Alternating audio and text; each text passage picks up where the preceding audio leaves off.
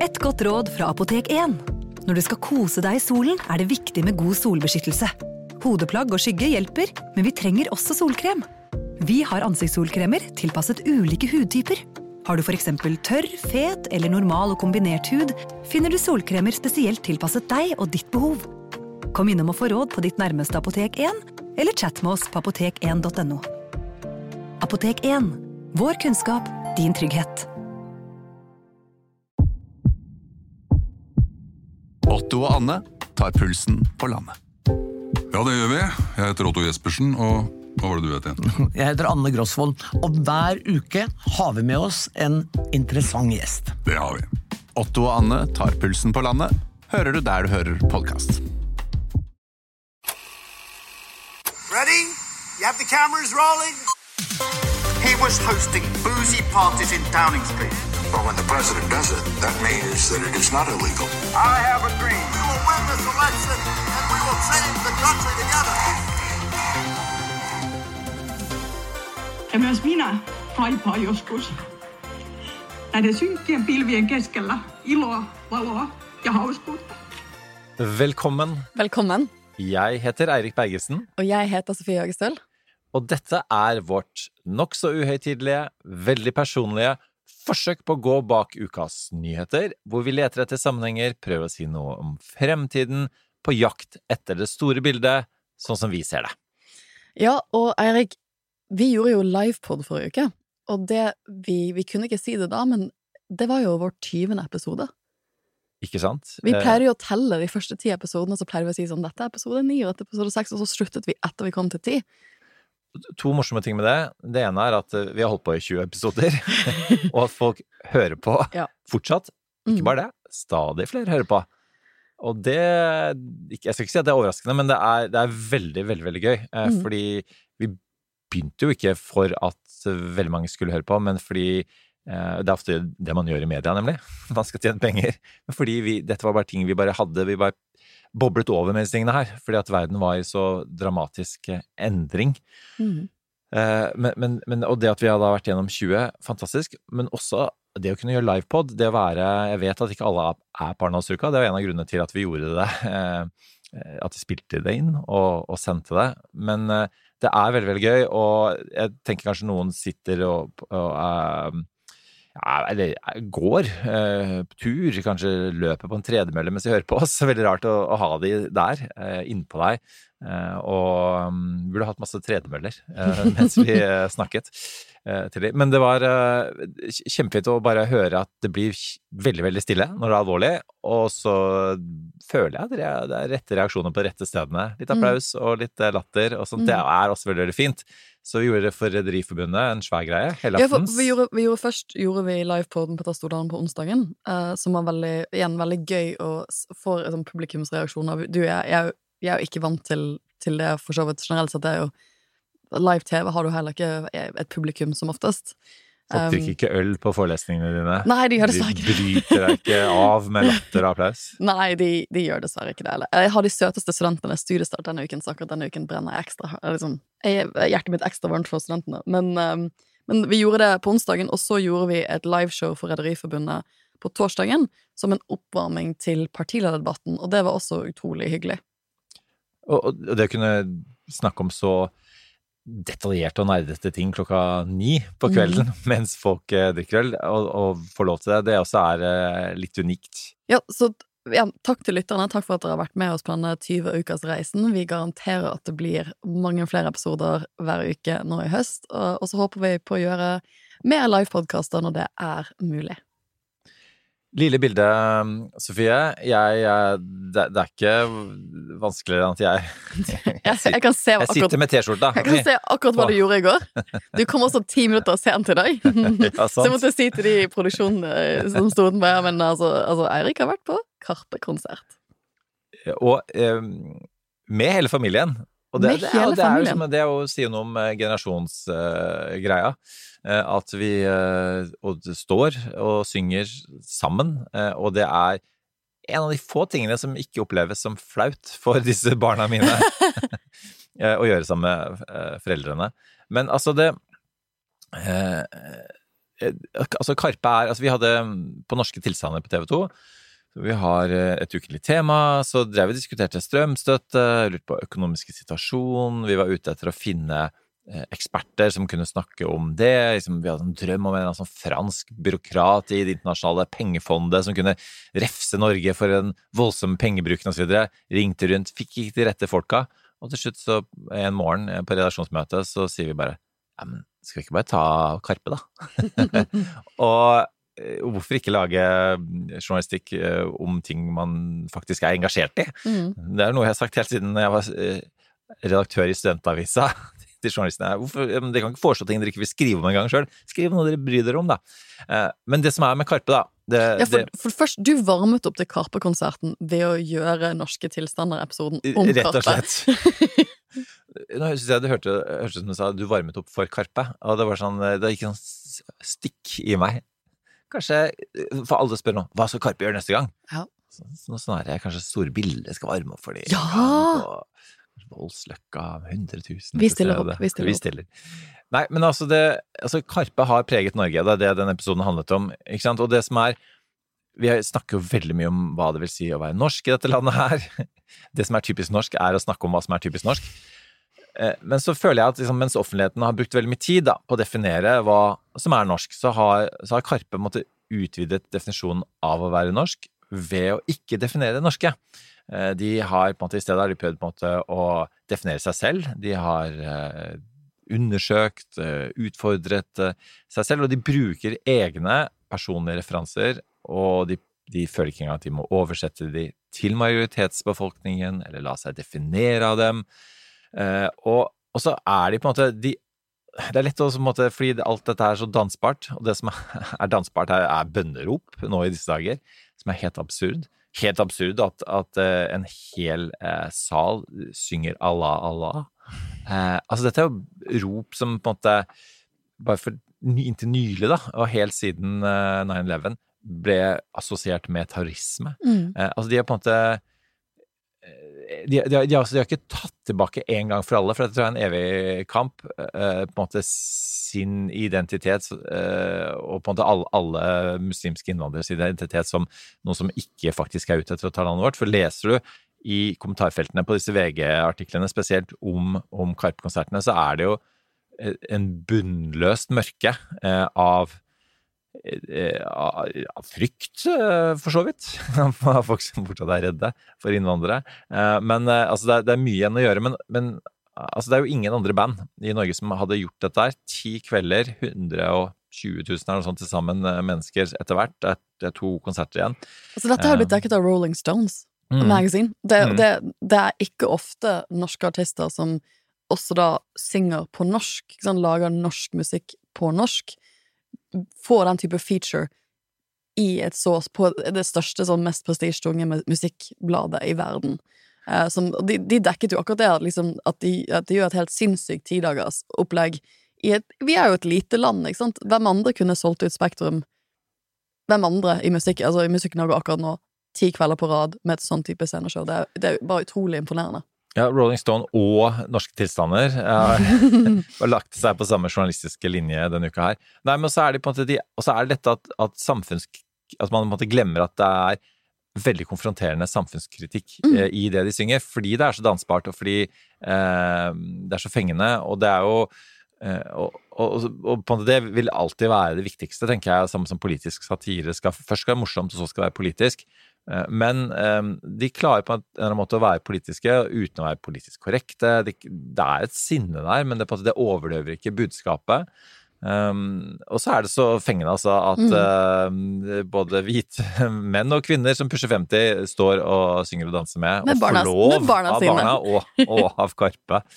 Så det, det er mitt lille og eh, store bilde. Eh, Hva med deg, eh, Sofie? Du har jo grunn til å egentlig være litt seint oppe i dag, du også? Ja, nei, jeg, er litt Jeg må være helt ærlig på at jeg er litt, litt sånn bakfull. Jeg har ikke funnet Jeg, jeg har ikke funnet um, Jeg har ikke greid å Jeg brukte kanskje 20 minutter i dag tidlig på å prøve å finne igjen um, eh, de der iTunes, eller den Apple-headphonene mine. Jeg finner ikke casen for det. Og det har jeg aldri gjort. før. sånn, sånn, liksom, den, den er sikkert et eller annet sted hjemme, for jeg, fikk, jeg må jo tatt de på meg på en eller annen måte, så det må jo ligge et eller annet sted. Må, liksom, men ja. Nei, nei, jeg var på Aschehougs hagefest i går, eh, som eh, jeg nok har aldri blitt invitert på før, og var litt overrasket over å bli invitert på i år. Eh, så det lille bildet for meg var at i går så, så var det litt sånn hagefesthopping, for først hadde vi hagefest på jobb. Så jeg følte meg eh, som en sånn skikkelig sånn wannabe-drittsekk når jeg, jeg kom liksom på den jobbhagefesten. For det startet samtidig, var der sånn 45 minutter, og så gikk jeg, og så var det noen sånn 'Hvorfor går du?' 'Nei, jeg skal på Aschehougs hagefest.' Og da var det litt sånn eye-rolling. Ja, ja, ja, det får du, det får du gjøre.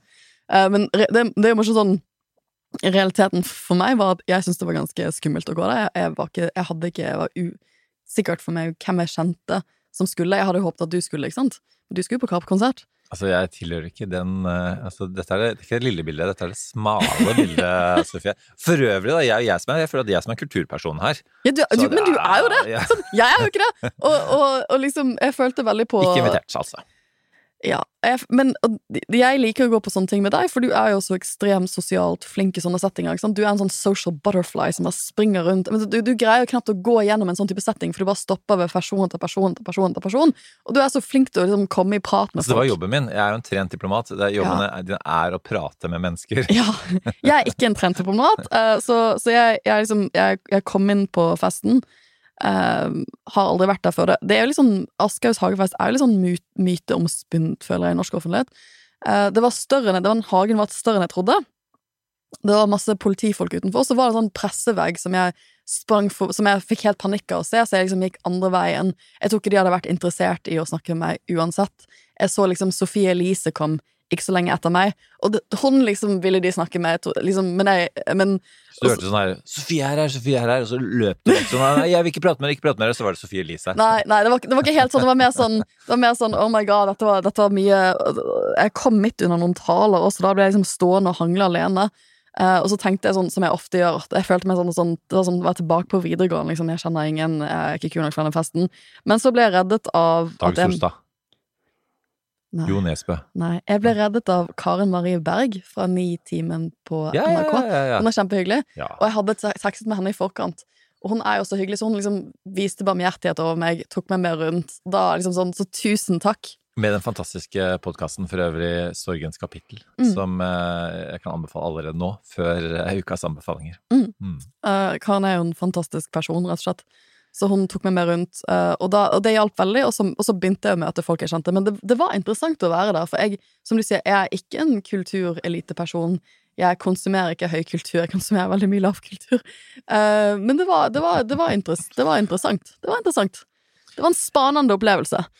Med det, eh, Sofie, så skal vi på noe som er langt mindre lettbent enn Aschehougs hagefest, for, som for øvrig er, og, også dette politioppbudet, ekstra interessant i år, selvfølgelig på Mm. grunn av Salman Rushdie.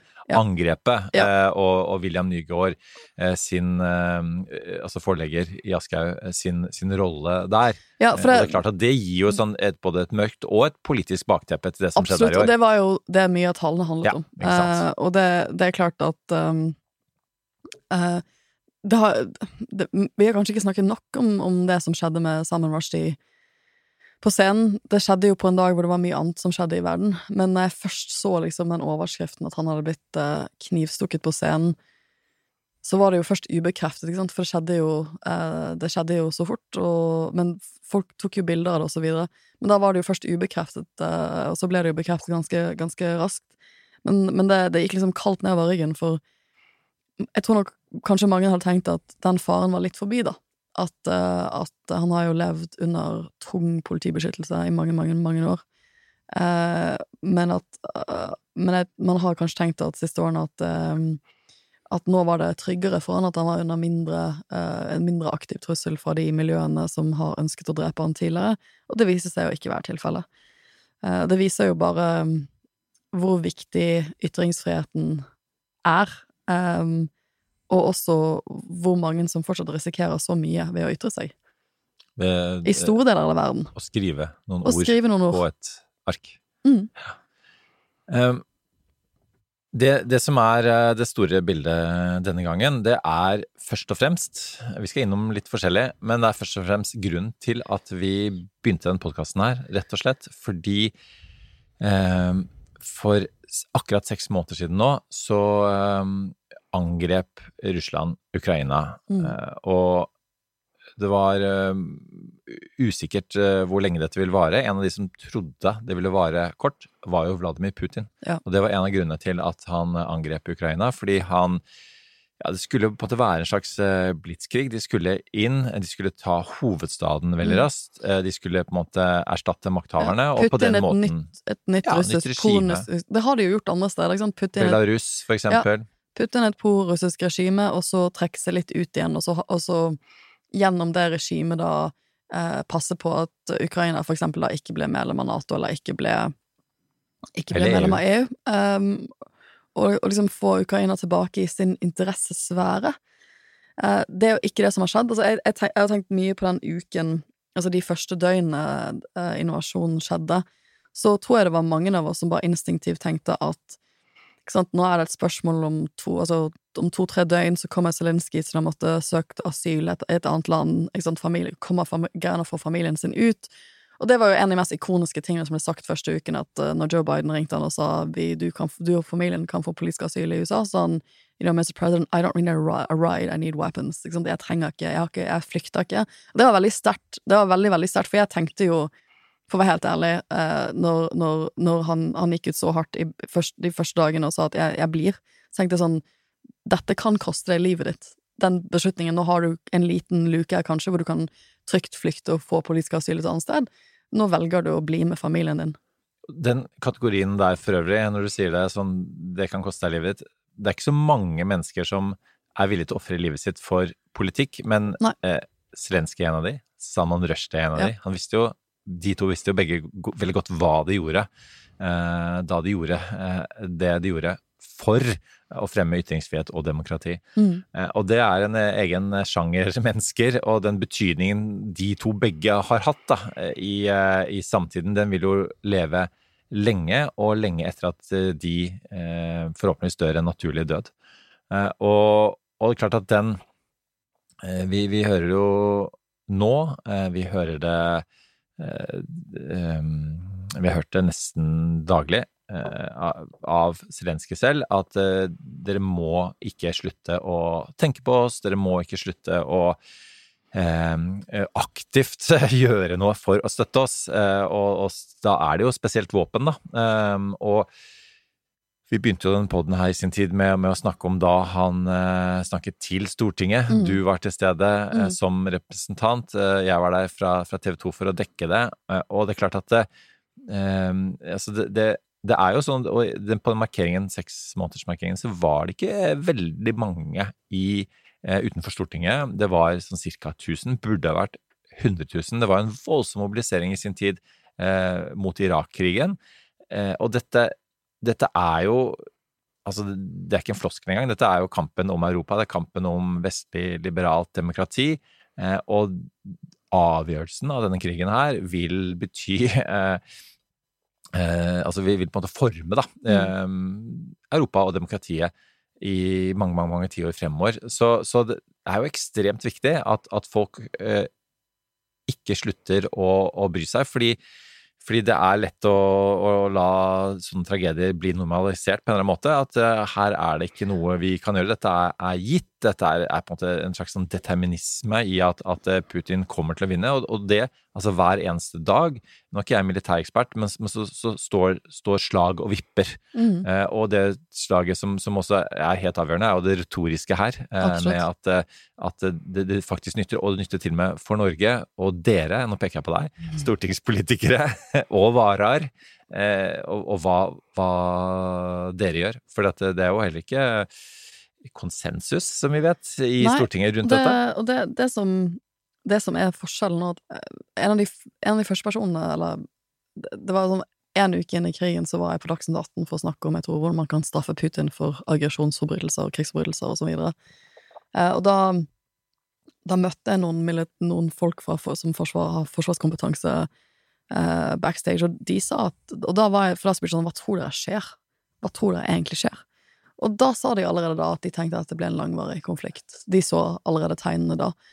Um, og seks måneder senere så har jo de rett. Vi, ser, vi har jo snakket mye på podkasten om denne gylne broen. Hvordan skal man komme seg ut av den konflikten? Det er jo ingenting som tyder på at vi er nærmere eh, nærmere en eller annen vei ut enn det vi, vi var for fire-fem måneder siden. Det, jo, det var jo eh, snakk i vår om fredssamtaler, det er jo ikke snakk om lenger nå. Ja, og, og det er jo en av de tingene som Zelenskyj har sagt denne uken, at uh, nå er fredsavtaler, Den Ja. gylne broen, det er er- lagt det er vekk lagt til vekk, side. ja. Nå skal de vinne eh, denne krigen. Ja. Så det er en av de, en av de måte, siste utviklingene. Ellers er det også interessant det du, snak, eh, du nevner dette med, med For jeg regner med at du viser til bakrommet på Dagsnytt 18, og ikke det som skjer i, Bakrommet, eh, foran mikrofonen. Fordi, fordi det, denne, den opplevelsen har jeg også, og det er klart at av hva de militære sier på bakrommet. Mm. Fordi eh, det er også noe av tanken med denne poden her, at vi skal ta folk litt inn på det bakrommet. Mm. Vi skal litt bak kulissene, vi skal bak eh, overskriftene, bak talepunktene til folk med makt, eh, og fordi vi møter de i ulike sammenhenger. Ja, og- og, og der er det jo sånne eh, Altså eh, og det er en grunn til at de ikke sier disse tingene her på, for kameraene, og det handler om at de vil ikke skremme folk, de vil ikke at eh, ødelegge på en måte rammeverket som politikerne Mm. har, og politikerne har jo ganske det er, fra valg til valg, det er Mm. budsjett til budsjett osv. Fordi eh, det som jeg har hørt på bakrommet, er at denne krigen kan vare i opptil ti år. Og det er jo Ja. helt vilt. Jeg skjønner hvorfor de ikke sier det, Ja. men, men altså, det er jo Det må folk ta inn over seg. Dette Ja. her går ikke over med det samme. Nei, og det er litt sånn forskjellen mellom nå og for seks måneder siden er at vi nå også begynner å føle de økonomiske konsekvensene. Vi hadde jo økonomer eh, og eksperter på matvareforsyning som allerede varslet om dette for seks måneder siden. Men nå, nå, det er nå vi føler på kroppen, vanlige folk i hele Europa føler på kroppen den økonomiske effekten av krigen, på måter som kanskje kan være litt vanskelig å linke til krigen. Du føler det Det er inflasjonen, det er matvareprisene, det er selvfølgelig energikrisen som rir hele Europa. Vi snakket jo jeg føler Vi snakket mye om dette, kanskje ikke i Vi snakket jo litt om det i eh, livepodkasten forrige uke, men det føler jeg det var det store jeg snakket om på Arendalsuka. Det var jo energikrisen, og hvor bekymret jeg er for det populistiske sprengkraften som ligger i energikrisen over hele Europa. Um, jeg Altså, det er jo dette Putin vil. Det er jo en av de sånn interessante tingene man kan gjøre. Det var jo mye sånn snakk om hvorfor skjønte vi ikke hva som skjedde. Og en av de indikasjonene som virkelig i ettertid man kan se pekte mot krig, det var jo måten Putin begynte å holde tilbake russisk gass på disse tider i fjor. ikke sant? Han begynner å manipulere eh, gassforsyningene fra Russland til Europa på disse tider i fjor. Uh, for det at han, han, han er jo ikke dum. Han vet at en av de tingene han kan gjøre for å svekke Europa og europeisk samhold For vi snakker om hva han tok feil. Han trodde dette skulle være en kjapp blitzkrig, det ble det ikke. Og så undervurderte han, det har vi sagt noe mye før, han undervurderte europeisk samhold. Eh, men han, han, la jo planer for å stikke litt i det. Det er det han er flink til. Han er flink til å skape splid. Eh, og en av de tingene han virkelig kan skape splid med, det er, det er å skape skyhøye energipriser i Europa. Det er jo det som skjer, og vi ser jo konsekvensen Det er jo den som er den store debatten, føler jeg, i Norge denne uken. Hvorfor har vi rekordhøye strømpriser? Er det virkelig Putins skyld? For vi hadde, vi opp, hadde jo, vi hadde jo sceneshow vi varmet opp til partilederdebatten. Eh, og da snakket vi om hva Støre burde gjøre. ikke sant? Og vi snakket jo egentlig om at eh, Vi snakket jo egentlig begge to om at han Vi likte at han hadde da gått ut i VG den dagen og vært tydeligere. Det kom til et veldig tydelig budskap når det kom til, til, eh, til uh, energikrisen og, og at vi ikke kan kutte fors- strømforsyningen vår til Europa. Det vil være usolidarisk, han vil ikke være statsminister i et sånt land. Og han, han brakte Og du snakket jo om at han må vise mer følelser og så videre. Og han gjorde det. Han var jo debattens vinner, tror jeg, fordi han, han var tydelig, skarp, poengtert. Han viste lederskap. Men så har det jo blitt en debatt i etterkant nå om liksom Uh, for de som da er uenig i dette her, som er sånn ja, men det er ikke bare Putins feil, og liksom du underspiller det hele strømsystemet vi har i Norge. Vi kan godt ha den debatten, eh, men jeg tror vi må alle være veldig var for det geopolitiske bildet som ligger bak her. Ja, og, og det er um, eh, Altså det, det er lett å skylde på russerne, eh, og i USA Demokratene har gjort det litt for ofte. Mm. Og det var russernes feil at, at, at Trump vant første gangen. Og vi skal litt forsiktig med å si at det er russernes feil at, eh, at, eh, at energiprisene alene er høyt, for også de store variasjonene i Norge også syns folk er, er, er vanskelig. Så, og, og, jeg, og Støre har fortsatt noe å gå på når det gjelder følelsene her. Men Putin er jo på en måte Altså, Kasparov, eh, sjakkmesteren, sa det en gang at- Putin er den altså, Han spiller Altså, han spiller på motstanderens svakheter hele veien, da. Eh, og det er jo på en måte det eh, det han gjør med, med energiforsyningene. Eh, og også, også dette med, med at folk skal bli lei, rett og slett. Da. Fordi at Ja, han tror Ja. Han, han gambler på at europa, europeisk samhold kommer til å sprike litt, og at folk kommer til å gå lei. Og det gjør man jo for, Ja. med, med strøm. Altså, folk er jeg skjønner med, med, med god grunn oppriktig forbanna, frustrert, em, eh, bekymret når det gjelder strømkrisen. Ja, altså, jeg har venner som sliter, som tenker at med disse høye med renteendringene i lånene sine, Mm. og helt sinnssyke strømregninger, sant? hvordan skal man komme seg gjennom høsten? Eh, altså, hvordan skal man ha råd til ferie til neste Altså, det, det, ja, det, selvfølgelig er folk bekymret. Ja, og den biten av det hele som handler om at uh, vi må akseptere eh, deler av uh, grunn av krigen, det, vi får se hvor lenge den solidariteten faktisk holder.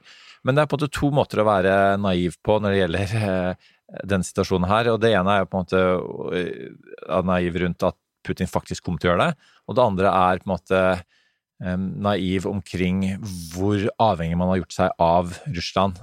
Fordi det er en av de tingene, hvis man ser tilbake i tid og ser det at uh, Tyskland nærmest abdiserte Mm. uh, sin energisituasjon til russerne, gjorde seg helt avhengig av det, Mm. eh, hvor, hvor naivt det var. Og med en gang et sånt diktatur som Russland er inne i verdikjeden Mm. i et demokratisk land, så, så har man trøbbel. Og vi, vi snakket om det på et annet arrangement på, på Arendal som uh, NUPI sto bak, som handlet om Kina.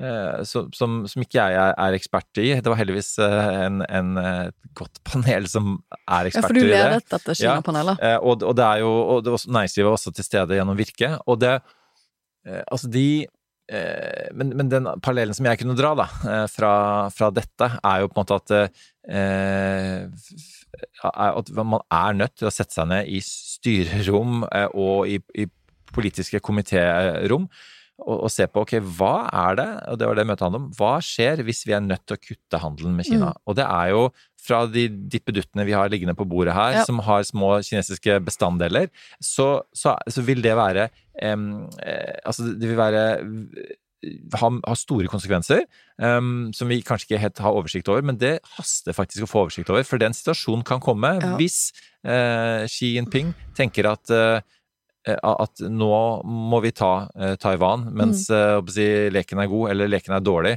eh, og mens Vesten har dermed øynene sine rettet et eh, annet sted. Ja, og jeg tenker også at det, da er vi jo inne i det virkelig store bildet. Vi hadde jo noen podkastepisoder i sommer hvor vi prøvde å se litt inn i fremtiden og snakke om hva er det som kjennetegner verden nå.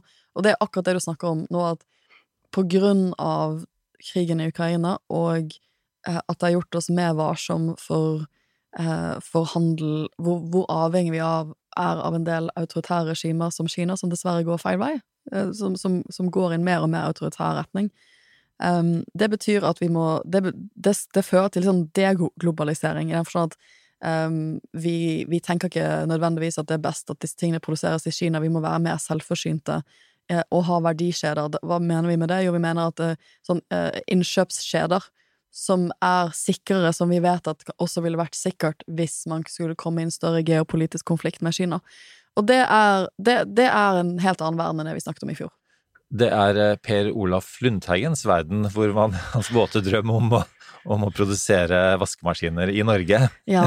og jeg tror ikke det vi noen gang kommer dit, Nei. men eh, kanskje vi kan gjøre det i samråd med, med europeiske land. Men altså, vi, er jo ehm, eh, og, altså det, det, som, det vi ender opp med, da, eh, fordi at den eh, avglobaliseringen, som også Per Valbrok snakket veldig godt om mm. på vår fellespod sist, mm. eh, de, den kommer til å bare fortsette. Eh, og fordi vi, vi er nødt til å bygge ned eh, avhengigheten av Kina. Det kommer antageligvis ikke til å gå raskt nok til å fjerne de sikkerhetspolitiske utfordringene. Eh, men det betyr jo også at, at vi er nødt til å også ja, også, også for så vidt en bra ting. Eh, ta vare på, på norske og nasjonale eh, arbeidsplasser. Men, men det, er heller, det er heller ikke et, på en måte et, en, som en strøm. Det er ingen enkle løsninger her. Fordi på den ene siden så, så eh, trenger vi jo også, eh, og det har vært mantra lenge, å handle med, med sånne regimer for å på en måte derigjennom liberalisere de regimene. Og så har jo ikke det skjedd Nei. verken i Russland eller Nei. Kina, og den historien, den konklusjonen er i ferd med å synke ordentlig inn eh, nå. Også på andre siden så, så er jo det de enorme omkostningene det er å slutte å Ja. handle med de landene. Eh, nå snakker vi om eh, hvilken type konsekvenser vi begynner å se av det Putin gjør, og at han ønsker å skape splid i Europa. Da må vi nesten snakke om hva som har skjedd med den finske statsministeren denne uken. For det har kanskje vært den store snakkisen. Eh, er eh, disse videoene slash bildene av um, festing med Sanna Marin, som jeg også nå har veldig lyst til å feste med, merker jeg, etter å ha sett eh, de videoene. Vet du hva, altså, eh, nå, nå, i håp om at det ikke kommer til å sirkulere videoer av eh, vi som danser på verken på Karpe eller på eh, Aschehougs hagefest, så, så vil man jo tro at en eh, 37 år gammel eh, ung, da, åpenbart, eh, kvinnelig finsk eh, statsminister som rett og slett bare er på fest, bare rett og slett eh, har det gøy med venner, eh, ja, det ikke skulle være en negativ sak. Eh, Hun ble den yngste europeiske statsministeren noensinne, vel, da hun var 34 og vant valget. Var ikke han fra Østerrike, Ingrid? med dette, det kan vi Ah, ja. Stemmer det. Ja. Det- Men det de er veldig unge. Hun er jo I hvert fall eh, den yngste nå. Ja. Hun er den yngste som, sitter. han, måtte, han i Østerrike måtte jo gå av etter mye forskjellige greier. Det viste seg det var en dårlig idé. Det var en dårlig idé å gi en sånn mann. Veldig konservativ statsminister. Veldig konservativ ung mann, så mye makt. Det Men- funker, ja. Det for, men det som, for det som er litt rart, da, er jo at eh, man, man kan jo enes om at eh, Og det virker som man har gjort, i hvert fall i, i Norge, at, at eh, dette er veldig tullete. eh, At uh, hva hvis man hadde sett Olav Schultz i Tyskland feste? Eh, Fester han? vet jeg. Det er faktisk et bilde av han som Det er veldig mange bilder av han som drikker øl, for det er jo Ja, en men eh, det- tysk måte å profilere seg politisk. Nei, men altså eh, Det gikk jo til og med Men, men finnene, for det er, litt sånn, det er litt spesielt. Finnene, der er det et flertall i meningsmålingene som syns at det, dette er veldig problematisk. Mm. Og man ville tro, om mulig at dette er en, er litt karikert av meg å si det, men at finner er glad i, om ikke en fest, iallfall drikke ganske mye alkohol. Eh, og hva er problemet her? Er det at, at hun ikke sitter i en sauna helt stille og super eh, vodka, men at hun faktisk eh, danser og, og gleder seg over alkoholinntaket og, og på det sosiale? Det er jo interessant, for hun, har sånn, fått unison støtte i norsk offentlighet, vil jeg si. Det har liksom knapt vært noen motstemme, og jeg, jeg støtter jo Jeg, jeg syns jo jo selvfølgelig at det er helt absurd at dette skaper den type eh, politisk krise, hvor man må ha og forklare seg og unnskylde hele pakken. Um, når du liksom har Berlusconi som hadde bonga-bonga-fester. Altså liksom, hvis du bare trekker fra mannlige politikere fra Vesten som har gjort Altså hatt så mye Altså uh, Sarkozy med sine kjærestarier og liksom elskerinner og frem og tilbake og Altså, d- d- ja. I, eh, i britisk politikk så hadde du Paddy Ashdown, som, som var eh, liberal eh, politiker som ble, ble tatt med buksene nede, ble hetende Paddy Pantsdown, og gikk opp på meningsmålingene. Ja, så jeg syns jo alt det der sier jo veldig mye om dessverre en del latent sexisme som det, Selv om man har, kan ha kommet dit at man har en ung kvinnelig statsleder, så, så ligger de tingene der, så, så må man rett og slett eh, Man må rett og slett sko seg for litt andre typer reaksjoner når man gjør ting som jeg tror mannlige politikere ikke ville hatt reaksjoner av. Jeg blir også litt matt av det jeg tenker på er kynismen til deler av til deler av medieverden som over en lav sko. Vi, vi har ikke snakket om uh, justisministerens bilder når hun padlet i Italia. Det er litt den samme type ting at å, nå har vi en bitte liten flik av et grunnlag for at vi skal kunne bruke disse bildene på forsiden for masse klikk. ikke sant? For det er jo bare klikk. Det er så, Se videoen! ikke sant? Det er jo bare klikkgenererende. Og det syns jeg er en sånn veldig kynisk måte. bare sånn, Her har du en ung, aktiv, attraktiv kvinnelig politiker som fester. Ikke sant? Det liksom, er, hvor mye offentlig interesse, eller liksom, hvor, hvor mye tjener det egentlig i saken men å skulle dekke det på den måten det gjør, jeg vet ikke. Men det er jo en måte å få masse, generere masse sånn som når Emilie Enger Mehl altså, Det å legge det ut på den måten man gjorde, det er jo bare helt tullete. Det er bare for å generere kliks, og det, jeg, jeg blir Jeg har jo mannlige venner som har vært statsråd, som har lagt ut bilder av seg selv på stranden. Det er ingen av de som har endt opp i VG eller Dagbladet. Det er ingen. Apropos å gjøre noe bare for å generere kliks. eh, Jeg, jeg, jeg prøvde å holde meg ganske langt unna sosiale medier i sommer på ferie, men, men jeg ble så besnæret eh, av den saken her at jeg Jeg har sånn liten sånn eh, satirekonto som heter Opplysningskontoret, som ikke har brukt på lenge. Eh, med et par kompiser som bare har gjort det på gøy. Og så la jeg ut en, bare et bilde av Emilie Enger Mehl som krysser en gate. På vei til en pressekonferanse jeg er, i regjeringskvartalet. Og så skrev jeg bare sånn Dagbladet, se justisministeren bryter loven, eh, går over Bruker ikke gangfelt når hun krysser gaten. Og så tok den helt av! Det var sånn her, eh, altså det var sånn tusener, eh, på tusener av reaksjoner. Du vet, du får sånn herre så mange har s sett um, Har interagert med dette innlegget. Altså, det, det er det siste jeg så, var sånn her 800 000 What? nordmenn! Jeg vet det! Og, men på, greia er at det, det er mange som tror at dette er ekte, da. Ja. Eh, og er dritsure oh, nede ja. i kommentarfeltet eh, på Dagbladet. Og, og, men det Dagbladet, at folk tror at dere har skrevet det på ekte, da må dere ta et, det, sier litt om det opprinnelige oppslaget. Om, men liksom, men det, så, så liksom, jeg har alle de følelsene om denne, saken, denne saken med den finske statsministeren. Eh, altså, jeg syns det er helt absurd. På den andre siden, da skal vi komme tilbake til å linke det til Russland, så er vi jo dessverre i en stasjon hvor vi har krig i Europa, og det betyr at du har en Putin som er aktivt ute etter å svekke, svekke majoritetspolitikere, altså, altså vanlige politikere, i håp om å spre om litt populisme. Og da er det For det, det er jo det som er snakken om nå, at dette her disse bildene og videoene har blitt lekket av russiske, altså russisklinkede aktører. da. Eh, og da er vi dessverre i en situasjon hvor jeg tror også at uh, statsministre, selv en ung kvinnelig finsk statsminister, må ta inn over seg at jeg kan kanskje ikke ha I alle fall ikke filme disse type festen. Altså, i alle fall ikke ta bilder. Så hun, hun, neste gang hun har fest, så må hun ha sånn 'legg fra deg mobilen din her'. Uh, i denne, for det, Og det burde hun jo strengt tatt uh, hatt, fordi at uh, dette er blitt brukt av Russland.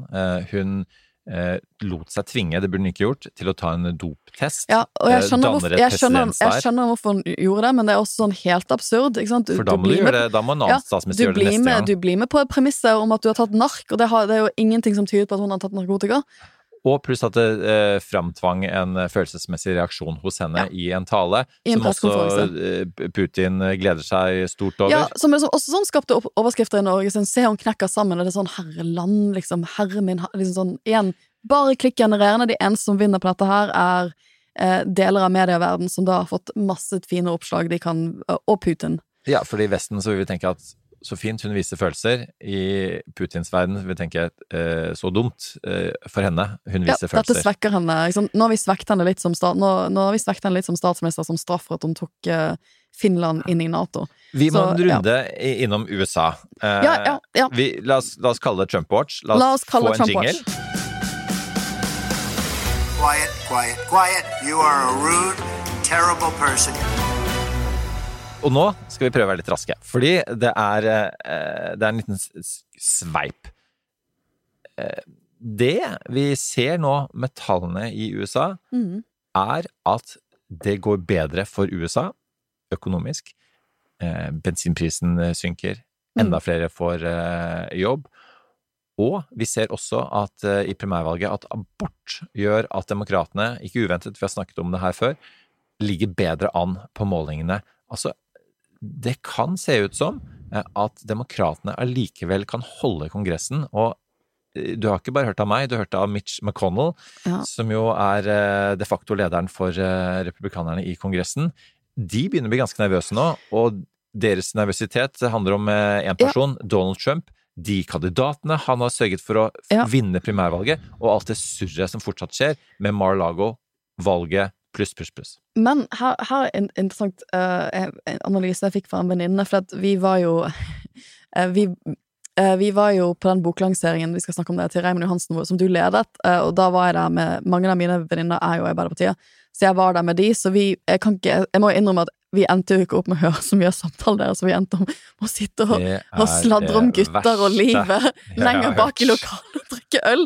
Men en av, eh, liksom, en av analysene ehm, jeg fikk fra den kanten, var at um, hvorfor For det demokratene har gjort denne uken, er at de har gutset litt, og så har de gått ut og lansert en sånn studiegjeldslettende pakke. Uh, og jeg tror noen av deres reaksjoner på det er at hvordan tør de å gå bort fra abort og en del av disse andre sakene, og kaste inn denne studiegjeldgreien nå, um, og snu dette vekk når liksom, trenden plutselig er bedre, da, med tanke på kongressvalget. For det, det du ser Jeg syns jo det er sånn veldig sånn spennende, for eh, det å slette studiegjeld er jo noe som har vært en sånn stor sak på demokratisk side i, i amerikansk politikk, eller på venstresiden i amerikansk politikk lenge. Uh, nå har de gjort det. Jeg har ikke skjønt hele den pakken, men det går ut på at hvis du har At alle som har studiegjeld, uh, som tjener under 125 000 dollar, så under ca. 1,2 millioner kroner, da. det er ganske mye Altså hvis du har under den inntekten, så får du slettet 10 000 eh, dollar i studiegjeld. Hvis du var en av de som gikk på universitetet og mottok såkalte Pell Grant, som er eh, eh, støtte du får hvis du er fra lavinntektsfamilier, så skal du få 20 000 slettet. Som andre ord, de har prøvd å justere det litt sånn at folk som faktisk kommer fra eh, eh altså arbeiderklassen, da, kommer til å få en større andel av sine studie, eh, studiegjeld slettet. Eh, og det er interessant å se hvordan reaksjonene er på begge sider. Jeg tror noen på venstresiden sier ja, vi vil jo ha alt slettet. Det var jo hele poenget å slette all studiegjeld. Eh, og på den andre siden Og så er det nok mer moderat som er litt sånn ja, det er fint, men har vi ikke egentlig vært Er vi ikke egentlig indirekte eller direkte nå med på å subsidiere store deler av middelklassen som har fått lov til å gå på universitetet? Um, liksom, hva med alle de som reelt sett siste, siste ti årene særlig ikke har hatt råd til å gå på universitetet pga. de skyhøye skoleprisene eller universitetsprisene i USA? Og det ser du at replikanerne har hoppet rett på. Mitch McConnell har vært ute denne uken og sier at nå, altså arbeiderklassen For det, dette er jo eh, kjerne Trump-velgere, da. Ikke sant? Dere som ikke har fått gå på universitetet, hva syns dere om at deres skattepenger nå går til å subsidiere folk som har gått på fine eliteskoler eh, og har, kommer til å tjene masse penger eller kommer til å ha bedre eh, økonomiske utsikter resten av livet fordi at de har, har gått på universitetet? Så det, jeg er veldig interess- Men samtidig, ikke sant, så de bruker det ganske aktivt. Altså det har blitt sånn blandet mottatt. Samtidig så er det klart at, hvis du tenker helt kynisk, da eh, De sier jo sånn det er, det, er mange, det er mange millioner amerikanere som vil få 10 000 Det er 100 000 kroner. Hvis noen hadde slettet studiegjelden min med 100 000 kroner, så hadde jeg feiret. Jeg hadde vært sånn «Woohoo!» Altså det, Jeg hadde vært veldig takknemlig. Ikke? Vil, vil den effekten Hvordan vil det ja, men, men det er interessant at et, en del av vennene mine på venstresiden var sånn Ikke kom med sånne ting nå, for det at du, Don't mess with this good flow, som du sier. Nå er vi inne i en god steam. Hold, hold på sakene, hold på kursen. Ikke begynn å komme inn med sånne ting utenfra nå, for nå, nå må man holde Det er jo bare åtte-ni uker til valget. Ja, og det som også har skjedd nå, er jo at primærvalgene snart er ferdig. Ja. Det er bare to valgdager igjen. eh, Og, og for på en måte også roe ned bedwettingen da, på hos demokratene, for det begynner jo alltid Ja, ja. Det begynner tidligere og tidligere for hver gang, eh, fordi de er så nervøse for det ene og det andre som kan ødelegge for dem. Så, så surrer det jo til på republikansk side fortsatt. eh, Og et av problemene er jo at Trump har fått valgt alle mulige eh, rare kandidater, og det Mm. rareste og skumleste med de, med de er jo selvfølgelig at de benekter at, eh, at valget var rettferdig eh, sist. Og ikke bare det, de gjør jo som, som Trump og double down. De har jo nå den ene etter den andre sagt at det er valgjuks Ja. i deres valg, Ja. og hvis de taper, så er det pga. valgjuks. Og det Ja. retoriske problemet blir jo da, hvis de vinner, som flere av de har gjort, hva, hva, hvordan Ok, du Hvordan vant i et valg hvor det var valgjuks, og der har guvernørkandidat i Arizona eh, for eh, republikanerne, da, Carrie Lake, sikkert norske aner, eh, Kari Lake, eh, hun hevdet på forhånd at det var valgluks, og sa nå etterpå at eh, de We outvoted the fraud. det er altså slagordet. ja! De mobiliserte så mye at de liksom vant over alle Tross disse valg... valget, Oi, oi, oi. valgjuks. Um, ja. og eh, vi, må, vi må avrunde Ja, USA, for jeg har ikke holdt på bare- lenge. Vi skal, jeg skal bare nevne at uh, den e-posten jeg våknet opp til, som jeg ikke har svart i dag, for jeg var på Hagefest i går, var fra en NTB-journalist som at jeg skulle kommentere en tale som Joe Biden holdt eh, i tidlige morgentimer norsk tid, hvor han kaller deler av Trump velgerskaren for semi-fascists. Eh, så han har gått ut veldig, veldig altså, Han har gått ut veldig, veldig hardt i en tale i natt. Jeg er spent på å se hvilken hva reaksjonene vil være i USA uh, når de har fått fordøyd denne talen litt. Men han er, dette, han er his back on the campaign trail, og han Uh, han, han, han sier jo at liksom, Han sier jo tydelig at liksom, 80 millioner amerikanere passet på at, uh, at reddet demokratiet vårt ved å velge meg for to år siden. Nå må dere gjøre det igjen. Og det er ganske sånn Det, det er interessant de, det, det, det, Jeg er spent på å se hvordan den retorikken hva den vil, altså, hva den vil føre til. og om den kommer til å funke som man håper, da. Så Ja. her har vi mye vi skal snakke om. Det, det skal vi snakke om mer etter hvert, men altså, fordi det minner jo litt om Deplorables-sitatet fra Hillary, som er en måte å beskrive sine politiske motstandere på som eh, det er, ikke engang, det er ikke de politiske motstanderne, det er velgerne deres. Og det var altså et av problemene uh, da Trump ble valgt. Det var at man måtte ikke eh, altså vise forståelse for at det er flere grunner til å velge Donald Trump, og at det ikke minst kommer bunner i en frustrasjon over at systemet ikke har hjulpet de, eh, Mm. disse menneskene. Og det har åpenbart systemet ikke gjort. Eh, Mm. Og Trump er, vi skal ikke ta hele reglene regla nå, men han er symptom på, på Mm. tidligere løgner fra både republikanere og demokrater, eh, som ikke minst handlet om Irak-krigen, eh, alt som har skjedd etterspillet etter 9-11. Eh, og nei, jeg, eh, hadde jeg vært rådgiver, så hadde jeg ikke sagt eh, Ikke bruk eh, F-ordet. Ja, ikke sant? Men det var sånn han brukte F-ord. For han, han sa sånn It's not just Trump. It's the entire philosophy that underpins Jeg tror det magma snakket om magma, altså denne bevegelsen rundt Trump. I'm going to say something It's like semi-fascism. Så, og da, da, da tenker jeg nå er valgkampen godt i Og gang. så lurer man jo alltid med Biden, dessverre for Biden, eh, de som heier på han, eh, om dette er noe som sto i talen, eller det er noe han fant på der og da. Antageligvis var det noe som sto i talen, antageligvis var dette en, eh, en, er dette en strategi som vil fortsette, og så får vi se hvordan det virker. Der tror jeg vi skal gå inn siste Raymond-biten. Den lurer jeg inn på ukas anbefalinger, jeg, Ok, okay. ok. eh, Sofie. Så med det, eh, du har allerede avslørt, jeg bokbadet Raymond Hansen. Han har eh, skrevet en bok som heter Gjennom krisa. Den vil jeg anbefale, og det var for å si det sånn, ikke bare eh, fordi eh, jeg syns at det var en god bok, at det er viktig at eh, politikere i posisjon skriver bøker. Um, men at, at vi må fortsette å prate om pandemien. Så Mm. jeg vil dermed også anbefale at folk leser både Nakstad og Stoltenberg sine bøker, men også leser den kommende boken til Bent Høie. Fordi det som um, Raymond Hansen sier på en god måte, er at han ble jo kritisert for å politisere dette. Eh, og, og på en helt annen måte enn en Donald Trump gjorde for øvrig, da, som politiserte fagekspertenes råd. Eh, så politiserte han på den måten at eh, han sa at byråkratiet skal eh, selvfølgelig komme med råd, men så, så er, det, er det vi som politikere som, som blir valgt, og vi blir dermed målt og vurdert og evaluert eh, demokratisk. Folk kan eh, kaste oss. Det er vi som måtte ha det siste eh, ansvaret, det må vi ta. Eh, og så selvfølgelig, som alle andre politikere, så prøver han å rettferdiggjøre de valgene han tok. Er absolutt kritisk til både egne valg og regjeringens valg. valg. Der fikk han jo kritikk fra, fra sin egen statsminister, Støre, fordi, som var uenig i en av vurderingene i boka, eh, som handlet om omikron-håndteringen. Men det er på en måte for de som er i Arbeiderpartiet, da. eh, Dine venninner. Ja, mine venninner. Eh, Så, så les boka, fordi vi lever i populismens tid, og, og jeg vil jo mene at, at Rødt og, og de kreftene litt lenger ute på venstresiden er mye bedre til å karakterisere da, de krisene vi lever i, eh, enn Arbeiderpartiet har vært som, som styringsparti. Og så kan man si hva man vil om løsningene til partier som Rødt. Men eh, man kan tenke seg at det er, det er litt vanskelig å, måte, å, å beskrive og likevel være styringsparti. Nei, eh, Raymond Hansen gjør det på en veldig fin måte. Mm. Måten han sier at eh, altså penger som går eh, til eh, næringslivet i en pandemi, er, det, altså det er ikke bare innovasjon. Eh, og, og, og de pengene som går til eh, offentlige, er ikke bare mer byråkrati. Altså, og, og hvis du da på en måte et sykehjem blir eh, privatisert, eller en barnehage blir det, så, så de pengene som ligger der, er ikke med en gang eh, noe som skal på en måte aktivisere økonomien. Det er de samme pengene.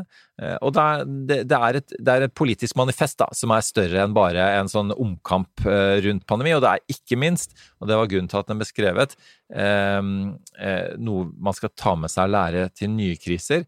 Med den erfaringen Arbeiderpartiet hadde fra Mm. 22. juli, hvor han eh, der må man nesten angå bok, Halvard Notaker om Arbeiderpartiet og 22. Mm. juli, eh, hvor Arbeiderpartiet var altfor kjappe med, med å på en måte prøve å forsone, skape konsensus, og ikke tok nødvendige politiske oppgjør før slett ti år etterpå.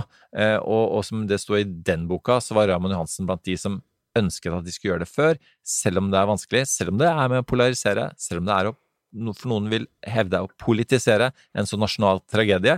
Så politikere, dere må politisere. Det er derfor dere er politikere. Og som Raymond sier i boka, våg å være politiker. Det, det er en uh, god ting.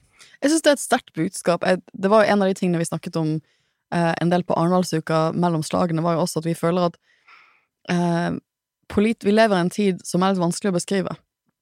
Hvor vi syns Hvilken tiår lever vi i nå, når, når dette tiåret har blitt så rart? Det har blitt så mange kriser. Vi har levd gjennom noe så sinnssykt som en pandemi. Eh, Europa er i krig. Verden ser veldig annerledes ut. Eh, så sliter vi med å beskrive verden rundt oss, og da er det politikere skal hjelpe oss å gjøre. For å kunne, de må beskrive verden rundt oss, gi oss en virkelighetsbeskrivelse som vi kan tro på, for å kunne fortelle oss hvordan vi skal komme oss gjennom den krisen. Eh, Og det er nok noe mange regjeringer i hele Europa, altså Vesten vil jeg si, sliter med akkurat nå på grunn av Ukraina-krigen. Så de sliter med en fortelling om Altså, det, strømkrisen er jo også en, en, en, en fortelling om å ikke kunne forklare hva er det som egentlig skjer? Hvorfor skjer dette? Hvorfor har vi strømpris på fem kroner, liksom? Hva, hvor, hvordan kunne det skje? Og så gi en forklaring og en fortelling rundt det som også gir eh, en vei videre, som, sånn at vi kan øh, komme oss gjennom denne For det, hm, det, blir, det blir krig lenge i Europa. Jeg tror også det blir veldig høye strømpriser. og Det, det kommer ikke til å gå bort de neste seks månedene. Så jeg, jeg, helt, jeg syns at Vreimund Hansen er veldig Jeg er jo digger han jo. Er veldig forfriskende. Komme, han er utrolig flink. Han er en av de flinkeste personene i Arbeiderpartiet til å komme med sånne virkelighetsbeskrivelser som treffer, som er enkelt kommunisert. Så det, det trenger absolutt regjeringen litt mer av. Og du som eh, endte opp med å snakke og sladre for mye om gutter i Ja. eh, Mm. på Bokbadet. Du burde absolutt lese boka, Ja. så, vi, så du er helt sikker på at du får med alle detaljene. Hva er din Um, anbefaling? Jeg, jeg kan jo si at eh, for å ta folk eh, bak, bak kulissene eh, det var, jeg, jeg festet veldig lite på Arendalsuka, for vi, når du skal være i panel og sånne ting, så jeg, jeg tror jeg drakk to alkoholenheter, tre kanskje, under hele Arendalsuka, for den eneste måten for meg å komme For vi er på jobb sånn Vi er på jobb, liksom, det er eneste måten å komme seg gjennom det på. Men jeg, jeg, jeg lanserte jo for en, en av statsrådene på en, en av de få festene jeg var på, hvor jeg drakk én alkoholenhet, at kanskje de skal få De må, liksom, de må få embetsverket sitt til å lage sånne TikTok-videoer for å forklare strømprisen, strømkrisen, eller liksom, de må gjøre det til en sånn tegneserie som er litt sånn kul, da, som vi alle kan se. Det, det, det, jeg har ikke sett noen TikTok-videoer ennå, så det, traff jeg har ikke lyst til å se de TikTok-videoene hvor politikere danser, for øvrig. Så der er vi Nei, så, Der tar jeg ja, på den det var min hot den. Liksom lag kule TikTok-videoer om strøm, men det er ingen som har gjort det. Ah. Eh, hva, min anbefaling er noe helt annet denne uken, og det er en Netflix-serie som heter Never Have I Ever, som, hvor sesong tre kom ut eh, denne uken. Og det er jo egentlig sånn high school-drama, men det er veldig, veldig bra. Det er, jeg, jeg føler at jeg er blitt for gammel for de aller fleste high school-drama, men dette er laget av en av mine absolutt favorittpersoner i altså, Hun er jo sånn skikkelig multi-talented person, Mindy Kaling. Dette er hennes eh, TV-serie. Og den er bare sånn Det er krig i verden, vi har høye strømpriser, men man kan se på uh, Never Have I Ever og så drømme seg litt bort i en alternativ virkelighet hvor det vanskeligste er hva man skal være sammen med på videregående.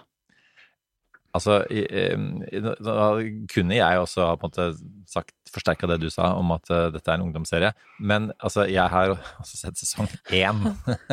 For jeg liker også Mindy Kaling Mm. fra The Office, amerikanske versjonen. Eh, Så jeg så sesong én med, med datteren min. Eh, Jeg er litt eldre enn deg, så sesong, jeg, er ikke, jeg blir ikke med til the bitter end i denne serien her, men, eh, men fantastisk godt skrevet. Veldig morsomt. så- Veldig, veldig morsomt. Veldig henne. Um, ja.